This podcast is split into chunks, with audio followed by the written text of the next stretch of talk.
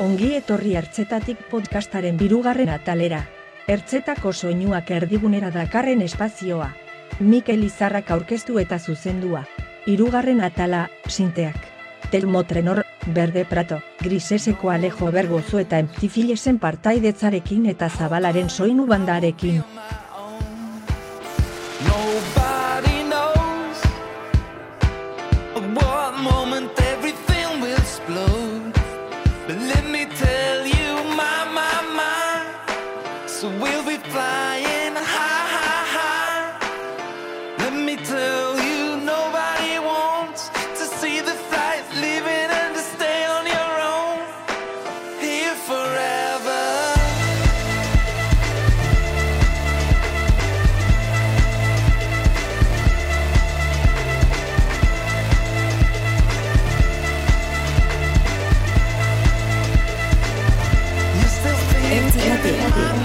Ertzetako soinuak, erdigunera, dakarren espazioa. Aixo eta ongitarriak beste bat ere.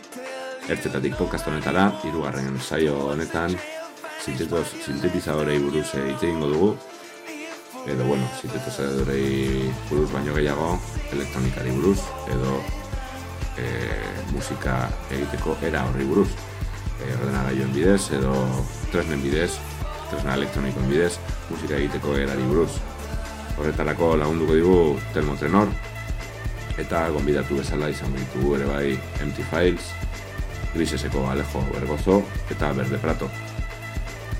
E, beste gonbidatu bat ere bagenuen, e, oso interesgarria, Jon Agita Zabalaga, Zabala, guia destandarekoa eta behin bakarka da bilena, baina ezin izan da gertu osasun arazoak direla medio, beraz bere bizka berria Martian Civilization OST soinu banda moduan eukingo dugu irratsaio honetan. E orain, berde platorekin utziko zaituztet, diska berria aurkezten duena eta elektronikari buruz zeu zer kontatuko diguna.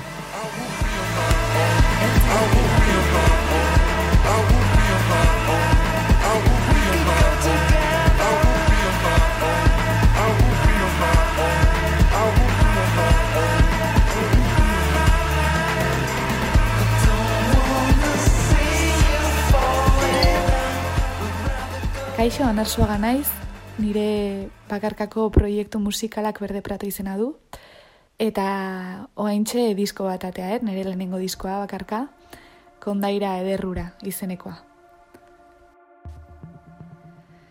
Bueno, ni elektronikakin hasi nintzen formatuakin eh, oso modu natural baten, ze azkenen nik bakarrik jo nahi nun eta eta hortako ezin nitun hain, hainbat instrumentu batea jo, aparte ez dakitela bateria jotzen ez, baino, baino bueno, e, teklatuak, ahotsa eta beste instrumentu batzuk aldi beran ez nitun jo, eta ordun horregatik jo nun e, elektronikara, ze azkenian nik komposatu al nun ez, luperran bidez, e, teklatuak eskaintze zit- zizkiten erritmo konkretu batzukin, bombo, kaja, e, plater soinukin, ez? Eta horrela nik komposatu al nun base bat sortuz, grabatuz eta hor mantenduz nik bakarri joal izateko, ez? Así que era oso, oso natural baten sortu zitzaiten. Alde handia dago besteen bertutek eta besteen gaitasunak aprobetxatu ahal izateaz, talde baten gertatzean bezala, edo bakarka zure biziokin e, zaudenian, ez? Osea, oso, oso desberdina da konposatzeko modua, eta geho, ba, bai, tramankulukin e, kontrolatzeko, dana kontrolatzeko errexagoa ite zaizu, azkenen, ba, hoxe ez, zuk manejatzezu eta programatu inaldezu eta dana, baino, baino, bueno, ba, askoz mekanikogo mekanikogoa da soinua, ez da hain organikoa, eta horreke alde txarrak bauzke, ze ezin dezu hainbeste improvisatu edo ez da hain natural gehatzen batzutan, e, bai, ba, amaiera, ez? Baina, bueno, e, hoxe, danak dauzke, beralde txar eta onak, nire ustez. Bueno, nik uste elektronikan berezitasun on bat dala autonomia emate izula, ez? Eta hoi oso garrantzitsua iruditzen zait, baliabide gutxiki nahi bazea musika egiten adibidez, ba oso oso puntu ona da, ez? Elektronikakin tramankulukin zuk sortzea eta beste inorez behar izatea. Hoi alde batetik. Eta bestetik e, baita ikusteiot, ba, bueno, amaiera oso konkretua dauke olako musikak, oso esate izut e, ritmikoki, ez, ba oso, oso makina baten antzekoa, ez, oso perfecto dijoa den guztin, eta, eta horrek ba, bere xarma bauke, bere, bere amaiera jakinoi, ez? Eta, eta bueno, ba, nehiritze zait oso eklektikoa izan daitekela, oso mm, polivalentia, nola bait, e, maitza hoi, eta, eta bueno, ba, hori oso, oso erakargarria iruditzen zait. Así que hoxe izango zan, nire ustez, bere alde honena.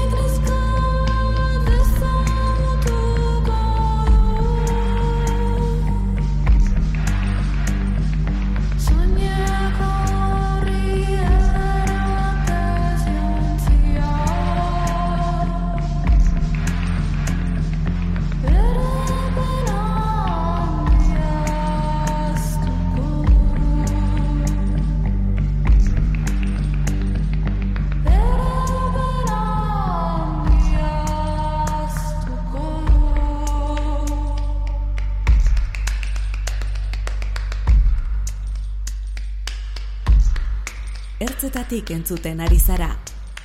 Mikel Izarraren podcasta Gaztea.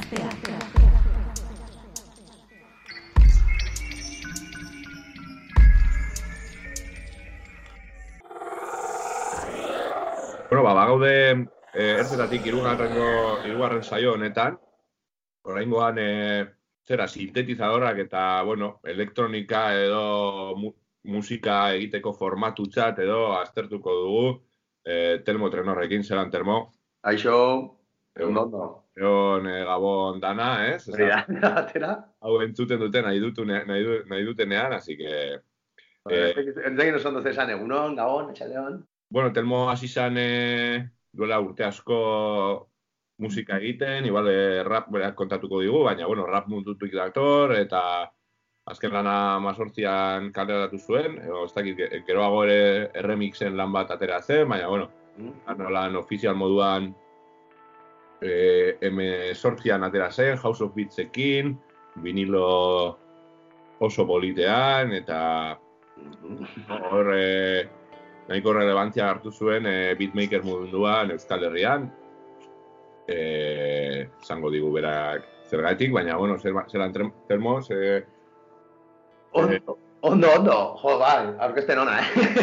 eh eh, zu- eh, a ber, bueno, relevantzia ez dakit, ez duke esango relevantzia eh, baina bai, egia eh, hori hasi nintzela, beti ez da berdina, rap mundutik, ez? Eh, rap hasi nintzen instrumentalak egiten eta batez ere guretzat eta gero beste rapeadro askorentzat ere bai, segun leno rapeatzen genuen. baina, baina hori, eta pixkat eh, horren ari hasi nintzen eh, musika egiten. Osea, basikamente hori izan zen piztu ziana pixkatzea. Gero horren deskubritu nuen, jo que se, hasi ginean, eh, batzen naiz Acid Pro da izan zen programa batekin, gero Rison, gero Kuase, orain Ableton, eta tartean katxarro pilo bat, pues hori, pixkat eh, mundu horretan sartu nintzen. Eta, bueno, nituen hemen eh, apuntatuta zera batzu, gustatuko litzaidake, ez dakit, er, ez da erreza, baina ez dakit posiblea dan, e, Euskal Herriko aurrekaririk edo aurkitzea. Nor hasi zen sintetizadorak erabiltzen, erritmo kutsak erabiltzen, ojo, ez? Nik wow. ditut hortik, itoiz, igual itoiz antzinetak, ez dakit, eh? Ez que, bua, ez dakit, orain adibidez dago, eh, ez dakit, ikusi ezun egoa diskak eh, izeneko zigilu bat, Bai. eh, Mikel Akostak eh, erabil hori egiten, eh, irunengo tipo bat, eta eta joder, hori adibidez ari da aztertzen musika zar pilo bat, eta daude gauzak, esa flipatzen dezunak, eh? Osa, adibidez, eh, laro seiko, bueno, adibidez, Pascal Gaine, eh, iparraldeko tipo hori, nik uste hori izan dela, hemen pionero totxoenetako bat, eh, sintetizadorak eta erabiltzen. Baina eske, jende pilo bat, eh? Jende pilo bat, pilo bat. Eta nik uste preitoitz, incluso, eh? Osea, Ba, iruditzen bazaizu, entzungo dugu zera Pascal eh, Pascal Gaine, hori da, eh, abestitxu bat, eta jarraikotuko dugu berbetan, ontsen, hemen eh, zetatik podcastien.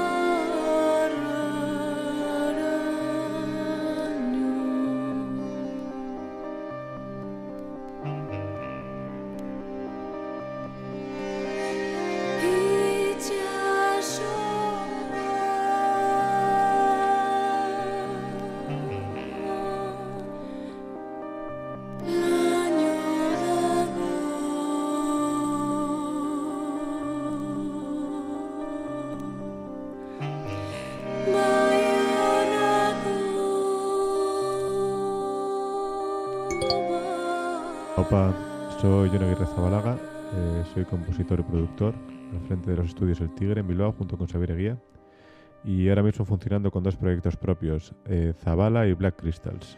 Mi historia con la electrónica empezó con We Are Standard. Allí estuve 13 años y éramos un grupo que realmente partía del formato más, más clásico. Eh, guitarras, bajos, sintes, dos baterías. Y la forma de componer era sobre todo con guitarras, eh, improvisando en el local y, todo partía de una energía muy, muy rock, por decirlo así. Nos empapábamos de los sonidos que llegaban de Nueva York con el sello DFA y cosas que escuchábamos más retro, pues tipo Can of Four, Talking Heads. Y poco a poco fuimos mutando hacia una forma de componer más basada en, en el ordenador, algo como más frío, más sintético. Y a mí cada vez me empezaron a interesar más estilos eh, puramente electrónicos, más alejados del concepto canción y con una dirección e intención muy diferentes. Eh, comencé a comprar cacharría antigua de sintes, eh, cajas de ritmo y cada vez dejando más de lado la guitarra, que había sido instrumento desde que tenía, pues, no sé, 11 o 12 años. La posibilidad de hacer música yo solo de repente, esa, esa puerta, el poder probar cualquier majarada que no tuviera que justificar, volverme loco con una secuencia y, y enchufar cinco sintes a la vez y probar y probar y pasarte cuatro horas flipándolo de repente sin darte cuenta, pues fue algo que, que me enganchó y abrió una puerta a algo, a un, universo sonoro pues completamente nuevo para mí. Y de ahí surgieron mis proyectos actuales. Eh, Zabala, con el que publiqué un EP en, en 2018 y, y un LP este último noviembre con Forbidden Colors. Y Black Crystals, un nuevo proyecto que verá la luz en junio con un LP eh, con el sello más Rumpilu de Madrid. Todo esto también me ha abierto puertas a trabajar en, cine, en teatro, eh, en un mundo visual en el que creo que ahora mismo la música electrónica está pues, claramente en auge. Eh, ofrece algo que cuadra muy bien con la estética predominante actual.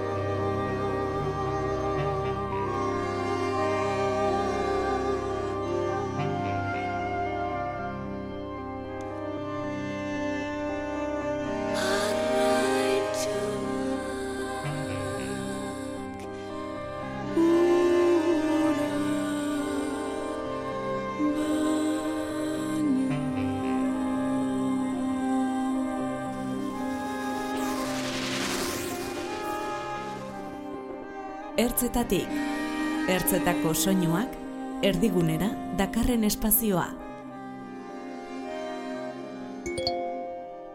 Kaixo, soy Chufo Wilson, de Antifiles. Somos una banda de Bilbao que mezclamos diversos estilos como la electrónica, el rock, el trip hop, el industrial y derivados. Eh, estamos a punto de sacar un nuevo disco, saldrá dentro de un par de meses con Forbidden Colors, el sello de Editor Echevarría. Y en cuanto a la electrónica, pues bueno, lo que más me ha traído siempre es la sonoridad de los elementos y, la dimensión que pueden adquirir las, eh, las composiciones, más que el formato en sí mismo. O sea, me refiero al formato como lo que entiende todo el mundo, ¿no? Como formato electrónica, un DJ o un, un tío que está ahí solo con sus cacharros haciendo música. Eh, a pesar de ello, es algo que he practicado durante mucho tiempo y bueno, pues tiene, tiene su punto también. O sea, no, no lo estoy marcando como algo negativo, sino como, bueno, es diferente. Todo, todo tiene sus pros y sus contras. Cuando nos referimos a este formato electrónica, pues yo creo que, bueno, básicamente pues estás tú contigo mismo.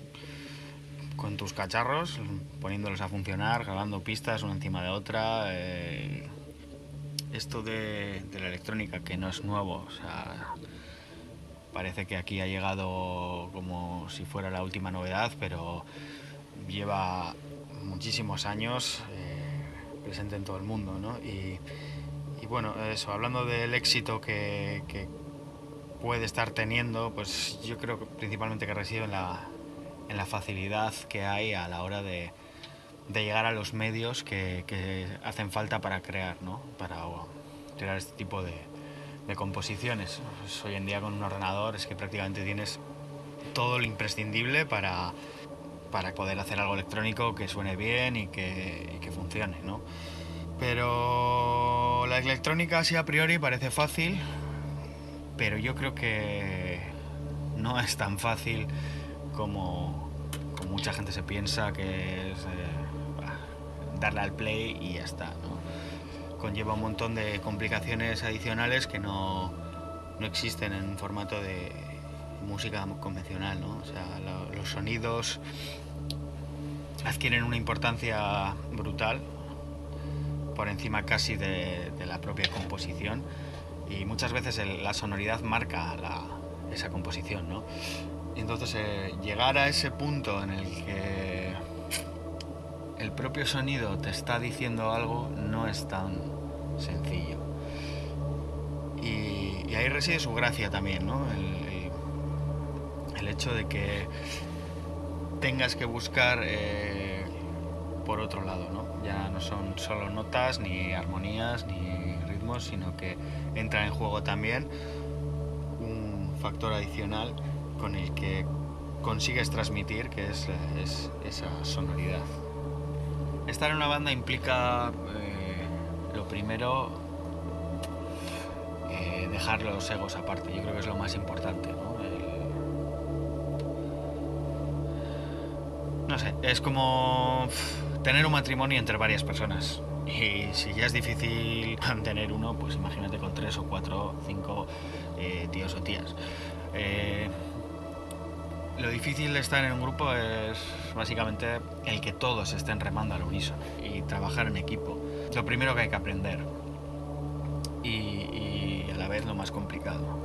Eh, trabajar eh, en, lo que estás haciendo por encima de, de cualquier actitud eh, personal. El que el formato electrónico esté teniendo más éxito, la verdad es que tiene, tiene bastante sentido hoy en día y es, es más sencillo a la hora de, crear, a la hora de grabar, a la hora de llevar a directo. O sea, cuando antes tenías que ir con la furgoneta cargada de trastos, instrumentos, amplificadores y, teclados a, a un concierto, ahora de repente te ves en la, en la tesitura de que puedes ir prácticamente tú solo con un portátil, enchufarte a la mesa y ala, empezar a tocar. Y bueno, no solo para es una facilidad para los artistas, sino que también creo que por parte de los promotores, pues para ellos también es algo como más sencillo y más económico. Más económico a la hora de, de desplegar medios. Pues de decir que no, no estoy, no estoy del todo de acuerdo porque, bueno, pues cada música, cada formato, cada, cada artista pues no debería tener que estar eh, sesgado por, por este tipo de cuestiones.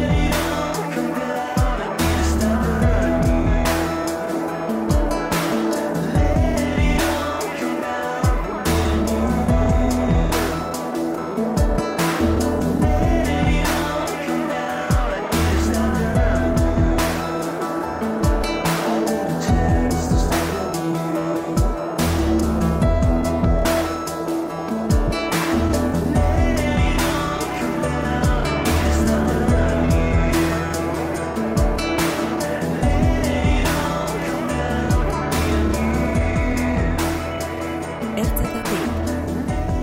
Hileko lehen astean, gazetako podcastetan. Ega, bueltan gara termotren horrekin, ertzetatik eh, podcastean, eh, hirugarren saio honetan. Eta, bueno, apurtxu bete argitu dugu e, Euskal Herriko aurrekariak edo, ez, e, sintetizadorak eta ritmo kutsak eta bar, e, erabiltzen. Eta termo ere komentatu du, lehen talde batetan zebilela. E, galdera bat daukat hemen, ez dakit e, horregaitik izan daitekeen edo ez. Gonbidatu askok, dauden gonbidatu askok, e, taldetan jo dute, eta orain e, bakarka ari dira, ari dira elektronika egiten. E, zerk ematen du elektronika formatuak, taldeak ez duena ematen, edo aldrebez, ez? Osea, zerako aldea dauden, bas, ematen du kanpotik, eta nik ez dugura esan ezer, e, musikari askok aukeratzen dutela bide hau e, bakarrik aritzeko aukera bezala edo, ez? Noski, nik uste eta oso erlazionatu da gora horrekin da independentzia, ematen dizu kriston independentzia, ez? Osa, azkenean, osa, nire prozesua justo kontrako izan da, eh? Izan, ibili naiz eh, bakarri, bakarri, bakarri, eta orain hasi naiz taldeekin, eta ibiltzen eh, be, instrumentua jotzen dituzten taldeekin esan da, eh? Porque azkenean, pues, rap talde batean, eh, da, hotxa bakarrik, eso no cuenta. Baina, bai, no sé, osa, nik uste dut, pues, ematen dizula hori, batez ere, independentzia, eta, eta bakarrik ibiltzeko aukera hori, ez gelitu behar izatea bateriarekin, bajistarekin eta ez dakizerekin gitarra jotzeko adibidez. Eh, eta ez hori bakarrik, no tener que discutir con ellos, porque esto es así, ez oitu, o sea... Baina, bueno, konpo, konposaketaren aldera nik ere, zera, nire gauzak egin ditut musika munduan, eta Bai, bakite. pentsatzea, eh, ez dakit, nik eh, taldean asko lan egiten dut musikariekin. Askotan pentsatzen dut, jode, ez baukat bateri bat nirekin, nik ez dakit zelan programatu bateria bat, edo, este, bueno, edo badakit, baina lagunek dituzten ideia hori, batez ere, eh, hurbileko laguna badira, edo musika partekatu baduzu eurekin, eh, hori iguala batzutan faltan botatzen da mu, mu, elektronika munduan, eh, batzutan bakarrik ikusten zarela, en plan, ostras, Era bat, baina, baina, bueno, osea, dena nezituzu bakarrik ibili, e, beti zebiltzen zera zirkuito horietan, ez? Beti biltzen zera beste jende batekin, beti biltzen zera kom, osea, nezitazu gero zure lanak bakarka editatu, igual komposaketan lanetan estudian beste norbaitekin egon zera, edo, jo que se, edo beste norbaitek pasa dizkizu bere gauzak eta zuk entzun dituzu. Ez dakit, osea, nik faltan bota, ez, osea, como faltan bota, esan de, hostia, no tengo idea, está, no es que, ez, ez, ez zait pasa. Egia gero, elkartzen zara talde batekin, ez ez, joder, osea, ja gauzak entratzen dira askotan bakarrik, ez? Ja, osea, jateria torbe ritmo batekin eta pun, eta ja horren gainen azten montatzen eta ja está. Pues, bietatik, biedakate bere alde hona eta bere alde txarra, nik uste, osea, sin más. Baina, nik uste, dut, bakarrik egite horrek ematen dizula kriston independentzia eta kriston, eh, ez dakit, eh, sinceridade puntu handiago bat izan daitekena, ez? Eta gero zuzenezko etarako ere bai, erosotasun hori, ez? Zu bakarrik juteana, edo... Bai, eta deserosotasuna ere bai, eh? Osa, eske esate dizu dana, biedakate alde ona eta alde txarra, de- erosotasun hori zuzenan bakarrik juteko bai, baina gero ere bai, karo, zu zera bakarrik, orduan, si la cagastu, se va a toda la mierda, osea, esan pixka ulertzeko, ez? Eta Eta ni pela, juten nintzen eh, binaka, duela urte batzuk, e, bolo bat ematera, bera gitarrakin eta ni beste guztiakin. Eta gitarra batekin bakarrik, joen, ematen zian kriston tranquilidadea, porque momentu batean gelitzen zen bera bakarrik, egiten zituen bi punteo, eta bueltatu nintzen, si se me había desconfigurado el no sé qué. hori. Solako, Hori esatera ni joan, ez? Igual gauza katxarroak reseteatzeko eta, base, igual zu bakarrik zoaz, baina katxarroek ere em, gerra eman aldizute, ez? Noski, baiet. Bai, bai, eta eta esan dizu dana, osea, ez dakit, ez da programazio bakarrik, osea, modu puntu batzuetan ere, osea, ez dakit, eh, igual gehiegi, gehiegi aukatu, ez, gehiegi antzaizkizu esaten, no sé, batzutan bai sentitzen zara pixkat desbordatua, ez, con tanto botón, y tal.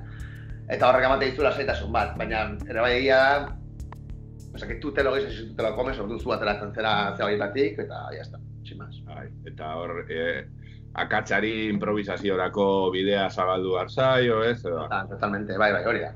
Piskat, eh, dena da alde txarra eta ona, baina batez ere ona, así que compensa. Ba, zera, em, honekin lotuta edo, ematen du edo, bueno, kanpotik asko esaten da, eh? Ba, DJ-ek edo, ez dakit, musika elektronika egiten dutenek, lehen, lehen hitz egin dugu ezberdinketa ho- ho- horri buruz, ez? E, e, bakarrik botoiak sakatzen dituztela, besterik gabe, eta gustatuko litzaidake apurtxu bete hemen egitea analisi bat edo ze atal dauden hor, eta ze gauza egiten dituzten DJ-ak zuzenean. Alde batetik sinteak daude, beste aldetik sampleoa, eta beste aldetik eh, ritmo kutsak edo, ez? Nik hor, laburtuko nuke, ez? Jo, adibidez, okurtzen ezkit mila gauza, eh, orain, eh? Osa, bai. Egia zuk esan dezuna, baina adibidez, amorante bezalako artista bat, edo mursego bat, eta uzki burura, ez?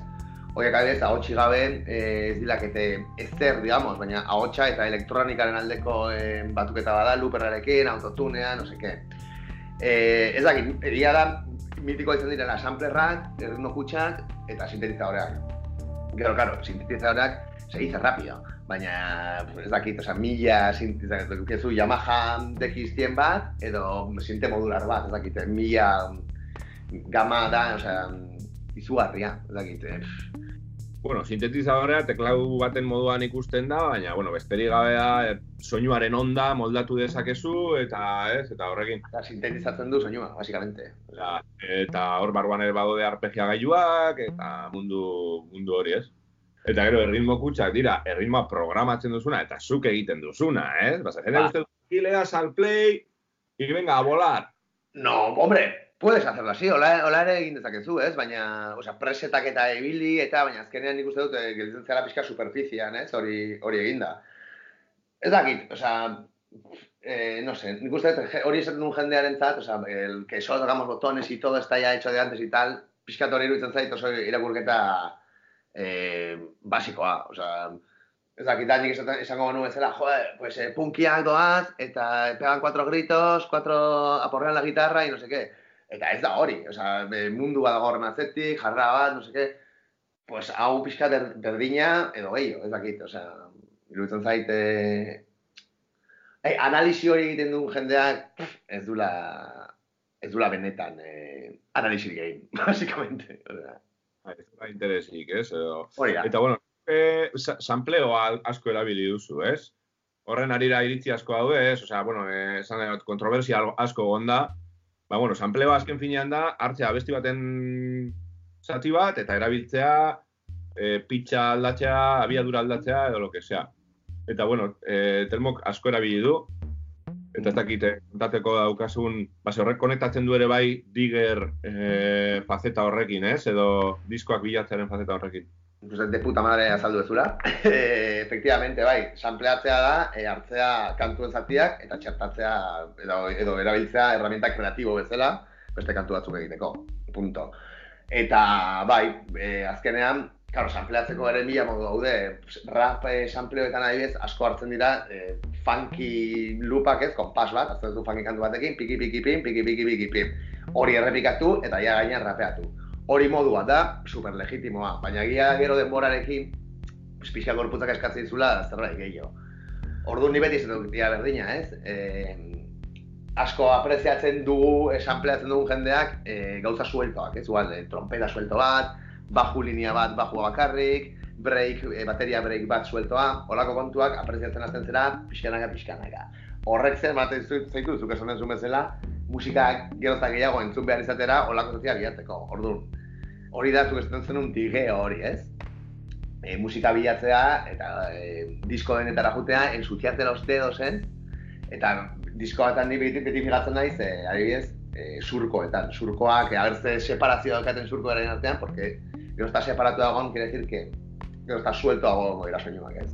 Orduan hartzen duzu jazz disko bat, eta ikusten duzu, pues, tipiko hori daudera, saxoak suelto eta hori sampleatzen duzu, txertatzen duzu zuk egindako perkusio batean, no hori da izaten da pixkat eh, el rollo, nere rolloa.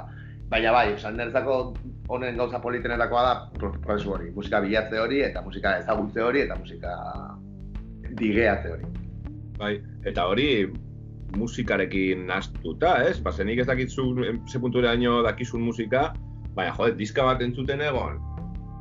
Eta um, e, detektatzea ze zati eta nola moldatu behar duzun, edo hori ja trasteatzen irteten diren gauza dira, edo. Ask, bietatik, bietatik, bietatik pixka bat, uste, eta askotan bai gertatzen da, ez duzula, hostia, hau da ez, eh, hau sample, samplazo, ez? Baina beste batzutan ere bai, hartzen duzu zerbait, eta eh, modifikazioaren modifikazioz beste zerbait sortzen duzu, eta hor hortik hasten zara. baina baina bai, osea, nik izan dizute musikaz ez dakit zer musika, lenguaje musikal ez eta ez dakit zer baina gehiago fijatzen naiz, e, horretan, pues, zerbait esaten diaten e, zatiak, batez ere melodiengatik, bai, baina batez ere ze soinu, ze soinu textura eta ze ze zeatik, ez? Pixkat, soinuaren izaeragatik eta eta Eta, bueno, hau dana igual elkartu daiteke e, inglesez esaten dan eta ordenagailu e, ordenagailuetan ibiltzen dan DAW-etan, ez? D-A-W-etan, ez? bai. Hor, esan dezakegu dela, dana digitalizatuta, egun teklatu fisikoak eta erritmo kutxa fisikoak erabili beharrean, ordenagailuan izatea guztia, ezta? Noski. Zergitzuk erabiltzen duzun, edo nik ikusi zaitu beti zuzenean, katxarro askorekin, Ba, ni oso hardware zalea naiz, e, eta pff, e, e, dituen ordenagailuak eta inoiz ez dira izan oso marabillosoak, orduan pluginak eta beti, osea, pluginak dira, e, hori, ordenagailu barruan e, programa txikiak, e, soinua, dakit, musika egiteko, ez? Basikamente, oso basikoki esplikatuta. Eta, eta beti ebitatu izan ditut horiek, bueno, beti ez, osea, dirua, diru pixkat gehiago izan dudanetik, ebitatu izan ditut, e, beti ordenagailu barruko instrumentu horiek eta kanpokoak eh, priorizatu ditut. Baina egia da nik dau, dau, zuk esan duzun dau horiek, eh, nik abelton erabiltzen dut gaur egun, musika egiteko, zeren da pixka bat, eh, hombre, oso guai egongo zen, zintan grabatu ahal izatea, ez egiten duen guztia, eta pumpan, eta dena analogiko, super guai. Baina emate zuk esaten duzuna, da lientzo bat izango balitz bezala, eta zuzoaz hor pintatzen, ez, ordenagailuan, eh, pix- pixka bat, eh, kuadro horren, eh, trazo ezberdinak, lientzo horren barruan.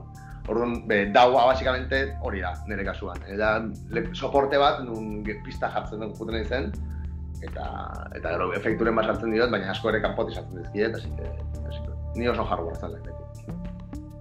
ba, nahi bauzu jarriko gozure abestiren bat, hor eh, hit diskakua, ia, Vale. Una igual eh, ilustratzeko, ez dakiz esan hor, eh, baten bat badago igartzen dena ondo sampleoa, eta, ez? Ba, ah, ba, jode, eh, hit diskan, bai, bai, bai, bai, esample asko. Eh, adibidez, Bueno, hor, urteko lana dago, eh? Urteko. bai, eh, bai, bai, bai, hit diskan badago, badago bastante lan, e, baina, osea, sampleen bilaketa horietan, da zerbait supernatural, osea, ez da, en plan, bueno, ba, engo diskoan, baruan samplea bilatzen, ez da zerbait, libreria bat akumulatzen zoaz, eta hartzen zoaz pixkanaka, pixkanaka gauzak hortik, eta, eta hori. Baina, da, hit diskatik sampleako horren ilustratzen lituzken kantua, niretzako igual izango zen, azkena iristen duna, dela In Touch, deitzen den hori. E, gero remix bat dagona, e, e, neko bat zatek egin zuen remixa, baina originalean, apreziatzen dira bastante ondo, iruz palau sample hola, e, diferentziatuak, nire zu hori, hori garritzeko. Venga, in touch, el morena. Ertzetatik. Do it now.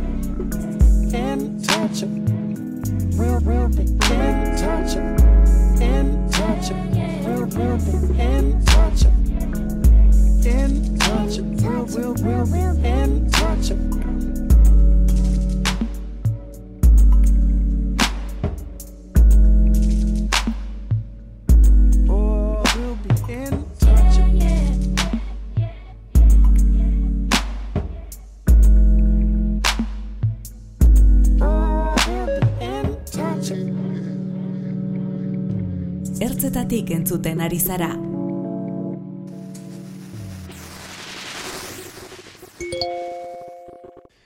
Kaixo ni Alejo naiz estoatikan, e, Grises taldeko teklista bezala ikusiko zue.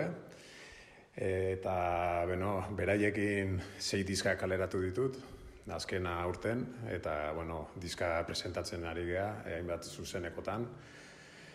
Hain, ez aparte, Tape Tape izeneko proiektu batian e, sartu nahi zaurten, konfinamentuan, nire lagun Guillermo Mutiloakin.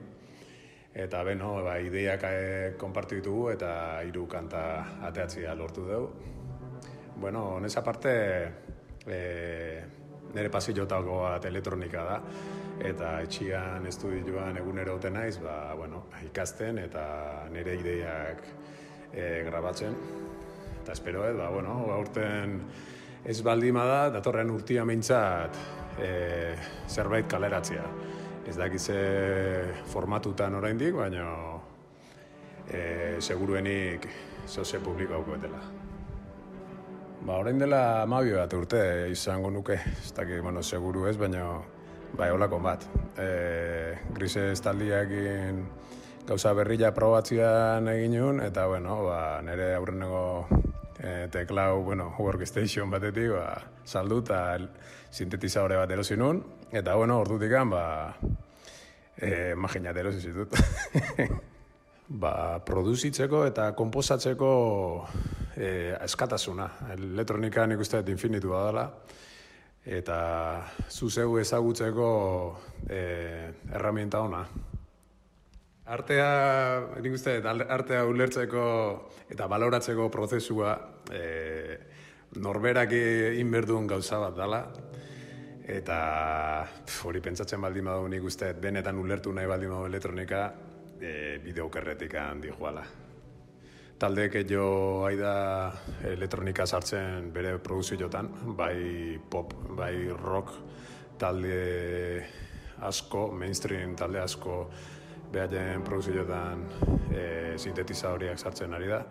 Eta, bueno, lehenoko galdera bueltauta, leheno esatezuenak hori play dala, ba, orain sintetizadore bila dabiltza.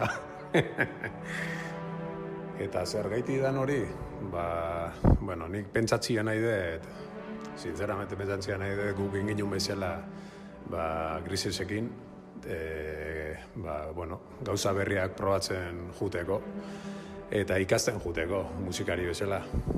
E, baita ere, esan berdet, talde asko ikusietela e, modatik an, ari dala egiten.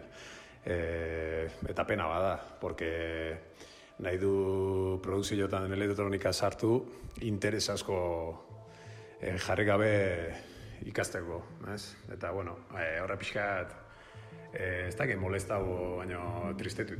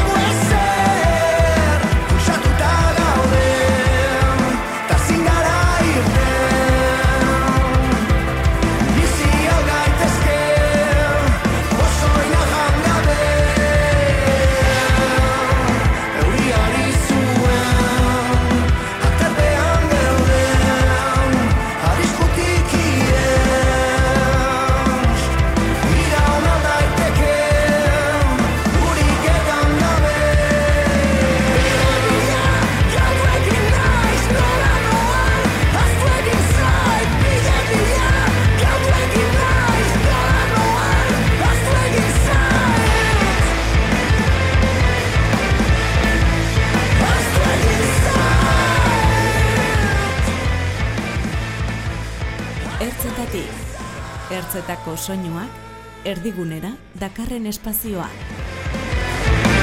Euskal Herrian zergatik ko- kostatu hainbeste sartzea movida hau edo ez, e, mainstream mundura, eh? Ez dinot, lehen hitz egin dugu badaude hor, tak, tak, tak, jendea e, gauzak egiten zituenak, baina e, gartxotekin hitz egiten nuen e, autotunearen arira, ere bai, berak esaten zuen e, dantzatzea eta kostatzen zaigula pilo bat. Eh, des- desde luego, nik uste, dut oso, bastante euskalduna dela dantzatze falta hori, bai. De- Trikitixaren garaietatik, eh? Nire auzoko jaietan beti eh, hori, pues, eh, oso jende gutxi daki dantzatzen, eh, harinari bat. bueno, gero ja hitz egin dugu, e, We Are Standard eta Delorean entzungo ditugunak, eta programan egongo direnak, batzuk adibidez We Are Standardeko Jon egongo da. E, zera, horiek agertu zirenean ere, ez ziren e, euskal kulturan, oza, Deloreani kostatu zaio, egin izan du ere bai Mikel Laboaren omenezko diska bat, eta, eta bueno, azkenean ja igual aitortu zaie, ez, e, leku hori, Ez dakit zu zelan ikusten duzun, eta batez ere zelako etorkizuna ikusten duzun. Momentu honetan igual jende gehiago dagoena formatu hau erabiltzen, eta ia, ez dakit, badago etorkizunek edo hemen gara de gitarras, eta... Hombre, nik uste hori dela eh, arrazoi nagusienetakoa, eh? Osa, aparte, gartxotek esaten zuen hori ez dantzatze horretaz aparte, eh, nik uste rock radikal baskoak, eta eh, punkak, eta, a ber, eskorbuto batek, eta la polla errekos batek, eta kortatu batek, eta guzti horrek okizun pixua, eh, ostra, hori da, hori da gure background musikala, azken finean. Eh, background musikal potenteena, ez? Eta horrek utzi duen arrastoak, pues, nik uste talde beste alde batera utzi ditula beste tendentzia asko. Naiz eta beti egon diren eh, gauza super guapoak, porque nik, nik ez onartu horretan naizela oso gitarra zalea, eh? Gero denborarekin pixkat eh, ikasten jo naiz gauza gehiago eta, baina ni punkzalea eta, eta oso ez naiz. Ez? Baina, baina ez nik uste eh, horrek hori pues, pixkat eh, ak- akaparatu izan duela guztia, pero, o sea, para bueno y para lo malo, eh? Eta, eta beste zera tendentzia pixkat aldea batera utzi ditula. Eta Deloreanekin hori ez aitortza, eta no seke, nik uste ere horrekin zer ikusia handia izan duela, gero hizkuntzaren movida ere hor dago, ez dela aztu behar, euskeraz ez abestearena, inglesez abestearena, muy claro, o sea, hemengo eh, kontesto politikoan eh, kokatu barra dena, no qué, pues hori, pues horrek eh, euki ditu berezeak.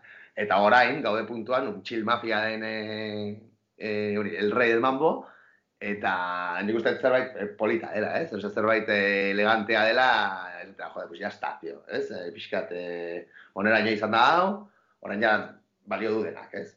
Zer, nik uste zula esan nahi beste gitarrerak eta rockeroak eta beste mundu hori desagertuko den, ez? Igual aldatzen ari da orduan, ez? Pase, jo, ja du- duela urte batzu, ja, txuntxun brigade eta gorpuzkins eta lehenengo belan, belaunaldi horrek ja baditu urte batzuk, eta el txefa adibidez, el txefa dabil elektronika egiten duela amabost urte edo olako zeuzer, ez? Eta fiakunekin gauzak egiten, eta ez dakit, eh, hori igual aldatzen doa, edo gutxika gutxika, edo...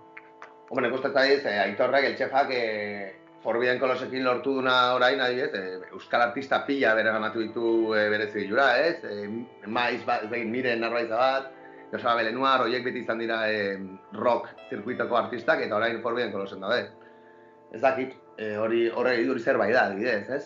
Eta, eh, adibidez, nire zuk esan zen nahi gorpuzkin eta, eta tuntxuneko jendea, eta nik uste dut adibidez, e, puntu hori puntu bat zela, baina orain dagoen puntua beste badela, ez? Nik uste e, Chill Mafia lortu du, e, desparodizatzea mundu hori pixka bat ere bai, ez? Beti parodiaren prismatizago egin da, eta nahiz eta jende asko goren Chill Mafia parodia moduan hartu edo provokazio moduan hartu, ez da, da, mugimendu bat, da errealitate bat, ez, dagona, eta hemen kostatzen duna sartzeak, osea, la hostia, Euskal Herri batean, ez? Zu Kataloniara zoaz, eta trapa edo trapa edo ez dakit, deitze dut nahi duzun bezala, musika urbanoa, konzeptu que odio ere bai, e, da, ez dakit, zerbait naturala, ja, katalanez edo zein, moduten, ez dakit, orduan da, pues Euskal Herrian beti, beti hori pixkat, eh, tradizionalagoak, gara.